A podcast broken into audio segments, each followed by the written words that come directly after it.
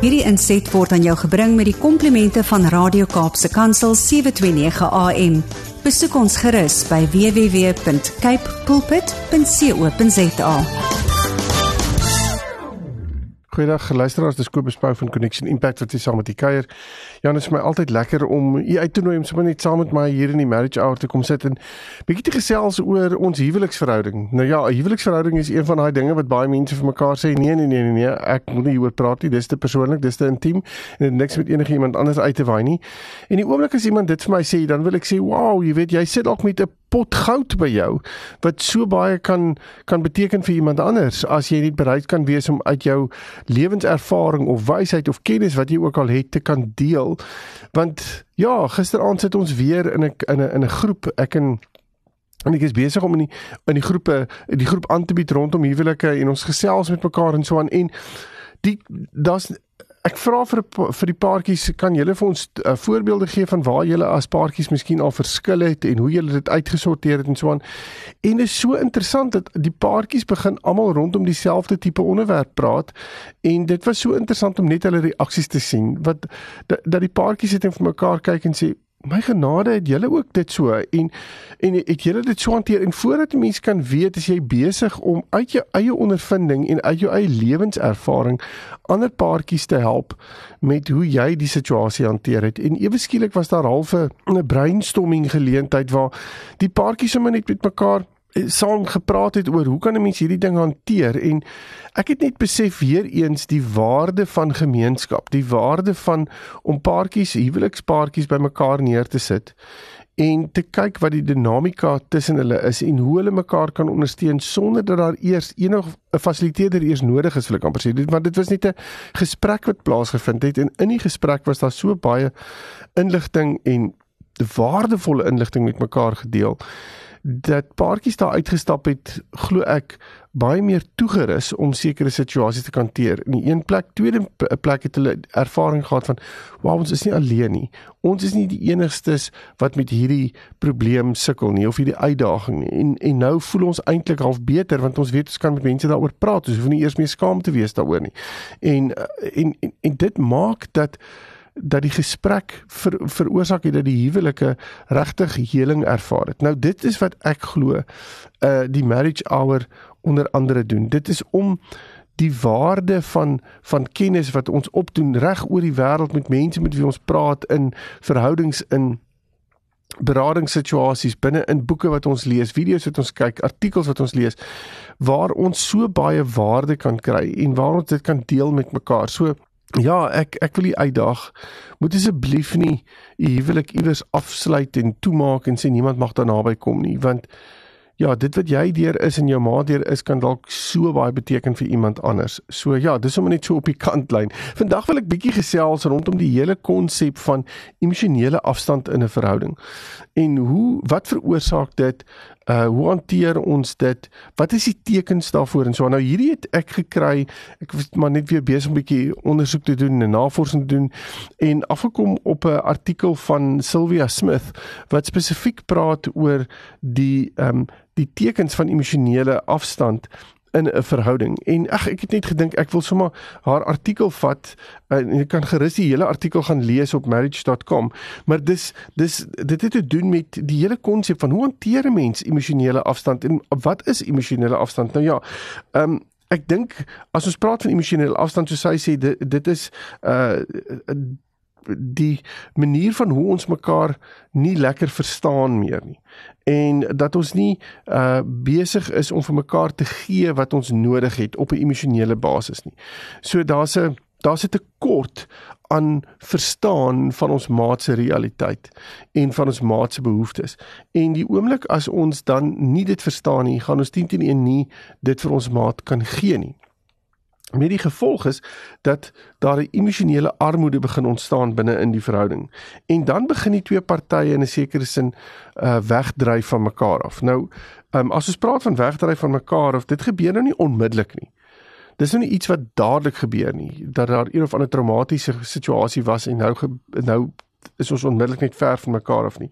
Dit kan dit kan stelselmatig gebeur en gewoonlik is dit soort van jy voel al die passie in ons vonk wil ek amper sê is besig om verlore te gaan en um paartjies hou praat nie eintlik meer baie met mekaar dan nie. Wat hulle ook doen is hulle um hulle alledaagse gesprekke is hulle ook nie regtig meer besig om met mekaar te deel nie. So dit wat in my dag aan die gang was en dit wat in my werk gebeur het en dinge wat wat vir my belangrik was deur die dag, is ek nie noodwendig nou besig om met my maat mee te deel nie. So ehm um, meeste van die tyd uh, gebeur hierdie uh afstand of skop hierdie afstand in uh omdat daar 'n afbreek in kommunikasie is soos wat ek nou net gesê het.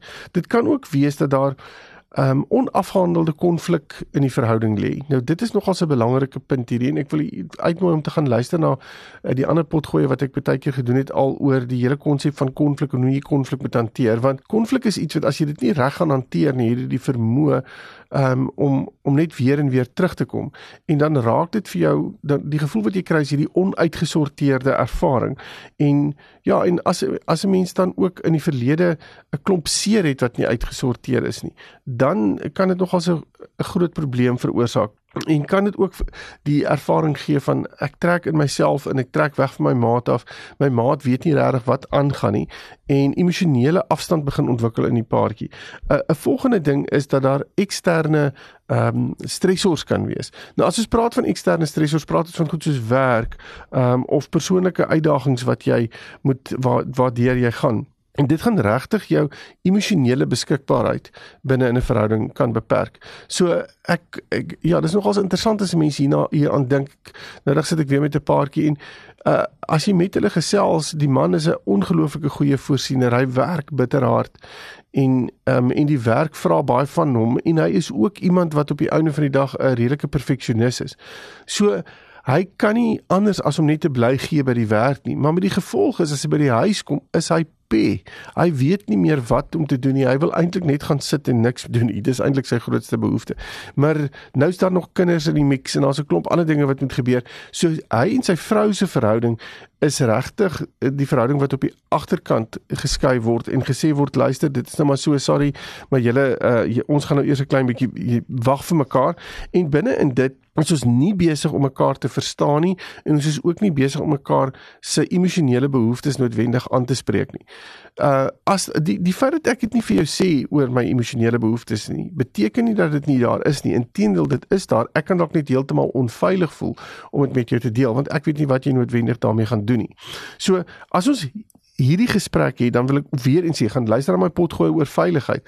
Dis dis iets wat regtig belangrik is ons moet besef dat as ons nie veilig by mekaar gaan wees nie, gaan ons nie noodwendig met mekaar deel nie. So, wat is die uh, in Sylvia se artikel sê sy daar's so so 11 tekens wat sy geïdentifiseer het rondom emosionele afstand en hoe kan jy wat is daai teken? So die eerste teken wat sy sê is dat daar 'n afname in kommunikasie is. Nou, as praat van afname in kommunikasie beteken dit ons is nie noodwendig besig om meer sinvolle gesprekke met mekaar te hê nie. Nou 'n sinvolle gesprek is nie wie gaan vanaand die brood koop nie. Dit dit is net dis 'n wil ek amper sê 'n 'n 'n gesprek wat gaan rondom die huishouding en goed wat moet gebeur.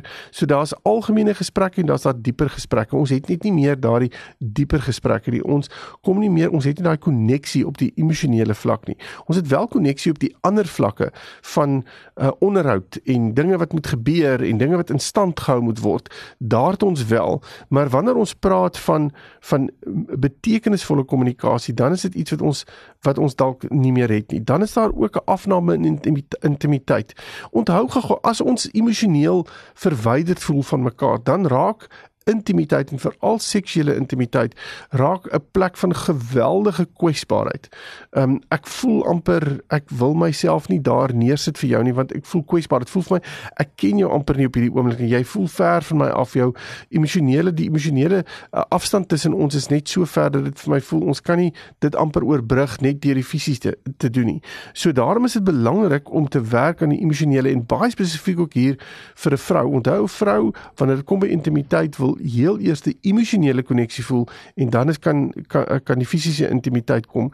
Ehm um, en baie keer vir mans werk dit baie keer andersom. So vir meeste mans gaan die in die afname intimiteit nie noodwendig 'n ding wees wat vir hulle 'n probleem gaan wees nie. Um want hulle emosionele koneksie kom baie keer as daar eers fisiese koneksie was. Maar dis iets wat mense moet praat oor. Dit gaan nie hier oor dis nie die hoender of die eier nie. Dit is eintlik albei saam moet hierdie ding uh, vir mekaar kan gee. Dan is daar ook 'n ding wat wat wat ons doen is om weg te bly van konflik af. Ons probeer so min as moontlik konflik hê. En baie paartjies sal sê ja, maar ek is ek hou nie van antagonisme nie. Ek hou nie daarvan om met mekaar te beklei nie. Ek hou nie daarvan en dan blyk jy stil. Die probleem daarmee is is as jy die konflik wat jy eintlik moet uitsorteer in jou binnekant gaan vasmaak, dan gaan dit uh afstand bring tussen jou en jou maat. Jy gaan voel daar's hierdie geweldige uh spasie wat jy gaan sukkel om te oorbrug. So moenie konflik vermy nie, want konflik bring juis as jy dit reg hanteer, dan bring dit juis weer daardie uh uh spasie word minder gemaak uh, minder gemaak en daar's definitief weer koneksie. Uh jy begin ongelukkig raak in die verhouding jy jy voel hierdie verhouding is nie meer besig om vir jou te gee wat wat vir jou lekker is nie. Jy voel die hele tyd daar's 'n negatiewe wolk wat oor die verhouding hang. En en dit begin vir jou moeilik raak in 'n sekere sin. Dan wanneer ons kyk, die volgende een wat sy sê is is daar's 'n verskil in emosionele behoeftes. Ons het so ver uit mekaar uit gedryf al dat ons nie noodwendig eers meer bewus is van mekaar se behoeftes of wat ons uh, ons verhoudings begin regtig nie noodwendig meer in dieselfde kategorie val nie. En dit beteken ook dat ons nie noodwendig dit vir ons maat kan kan raak sien of bewus is daarvan nie want ons fokus baie keer so op onsself dan binne in 'n emosionele dis diskonneksie dat ons ons maat uiteindelik een kant toe skuif en dan is ons ook besig om emosionele ehm um, support weg te vat van ons maat af. Uh daai ondersteuning wat ons maat nodig het op emosionele vlak, vat ons weg en dit dit veroorsaak dat daar weer eens 'n diskonneksie kom. Ons het 'n geweldige behoefte om al meer en meer alleen te wees. Dis beter om alleen te wees want in alleenheid weet ek wat wat ek het, weet ek word ek nie omkant gevang deur goed nie, um, word ek nie gekonfronteer met die feit dat ja, ek nie emosionele koneksie met iemand het nie. Uh dis vir my makliker om net tyd met myself te spandeer en dit maak dit ook makliker om dan nie 'n gesprek te kan hê nie. Uh want enige gesprek op hierdie stadium het 'n negatiewe uh, uh lig rondom dit wat vir jou baie sleg is en jy jy hou nie daarvan nie. Daar's nie meer kwaliteit tyd wat jy as 'n paartjie saam spandeer nie, want daar's hierdie alleen tyd, daar's hierdie emosionele diskonneksie in die sin van dat julle nie meer vir mekaar raak sien in 'n sekere sin nie. So as ons tyd saam spandeer, raak dit uh onderhoudstyd. Dan praat ons oor die kinders en ons praat oor die werk en ons praat oor die oor die, die huis en alles wat in en rondom die huis moet gebeur, maar ons is nie besig om te werk met mekaar nie. So dis 'n geweldige belangrike ding om vir mekaar te kan sê is ons kwaliteit tyd uh, nog steeds op standaard of of is dit nie? Uh, dan is daar gewoonlik ook hierdie geweldige klomp stres wat binne in 'n verhouding kan lê uh, wat dit moeilik maak en dit kan intern en eksterne stres wees wat veroorsaak dat jy al meer en meer in jouself intrek, al meer en meer gefokus raak op jouself om dan nou hierdie stres te kan hanteer en dit bring ook bekommernis baie keer. Stres wat veroorsaak dat ek dit nie noodwendig met my maat wil spandeer uh, of deurgee nie, want ek wil nie my maat noodwendig beswaar daarmee nie, maar binne in dit is ek ook besig om myself emosioneel weg te hou van my maat. Of so wees versigtig. Baie paar sê nie maar kan nie my stresvolle situasie met my maat deel nie. Jy moet juis met jou maat daaroor praat. Dat jou maat kan weet waar jy is en dat jou maat kan weet hoe om jou te kan ondersteun. Andersins gaan dit net lyk asof jy onttrek uit die verhouding uit en die feit dat jy onttrek en nie kommunikeer met my nie, maak dit vir my baie baie baie moeilik. Dan is daar onderdrukking ehm um, wat kan plaasvind in die sin van ek besluit nee, ek het hierdie emosionele behoefte om weet jy weer eens ek voel so onveilig by jou. Ek gaan dit net vir myself, ek moet dit self uitsorteer. So ek onderdruk daai gevoel. Ek deel dit nie en ek hou dit ek internaliseer daai ervaring. Wat op die ouene van die dag is dit regtig baie erg is, kan dit begin fisies manifesteer in allerlei verskillende tipe van pyn en 'n kwaal en eh, wat jy kan ontwikkel. Ehm um, wat mense ook doen is um, om dit beter te kan hanteer is projeksie.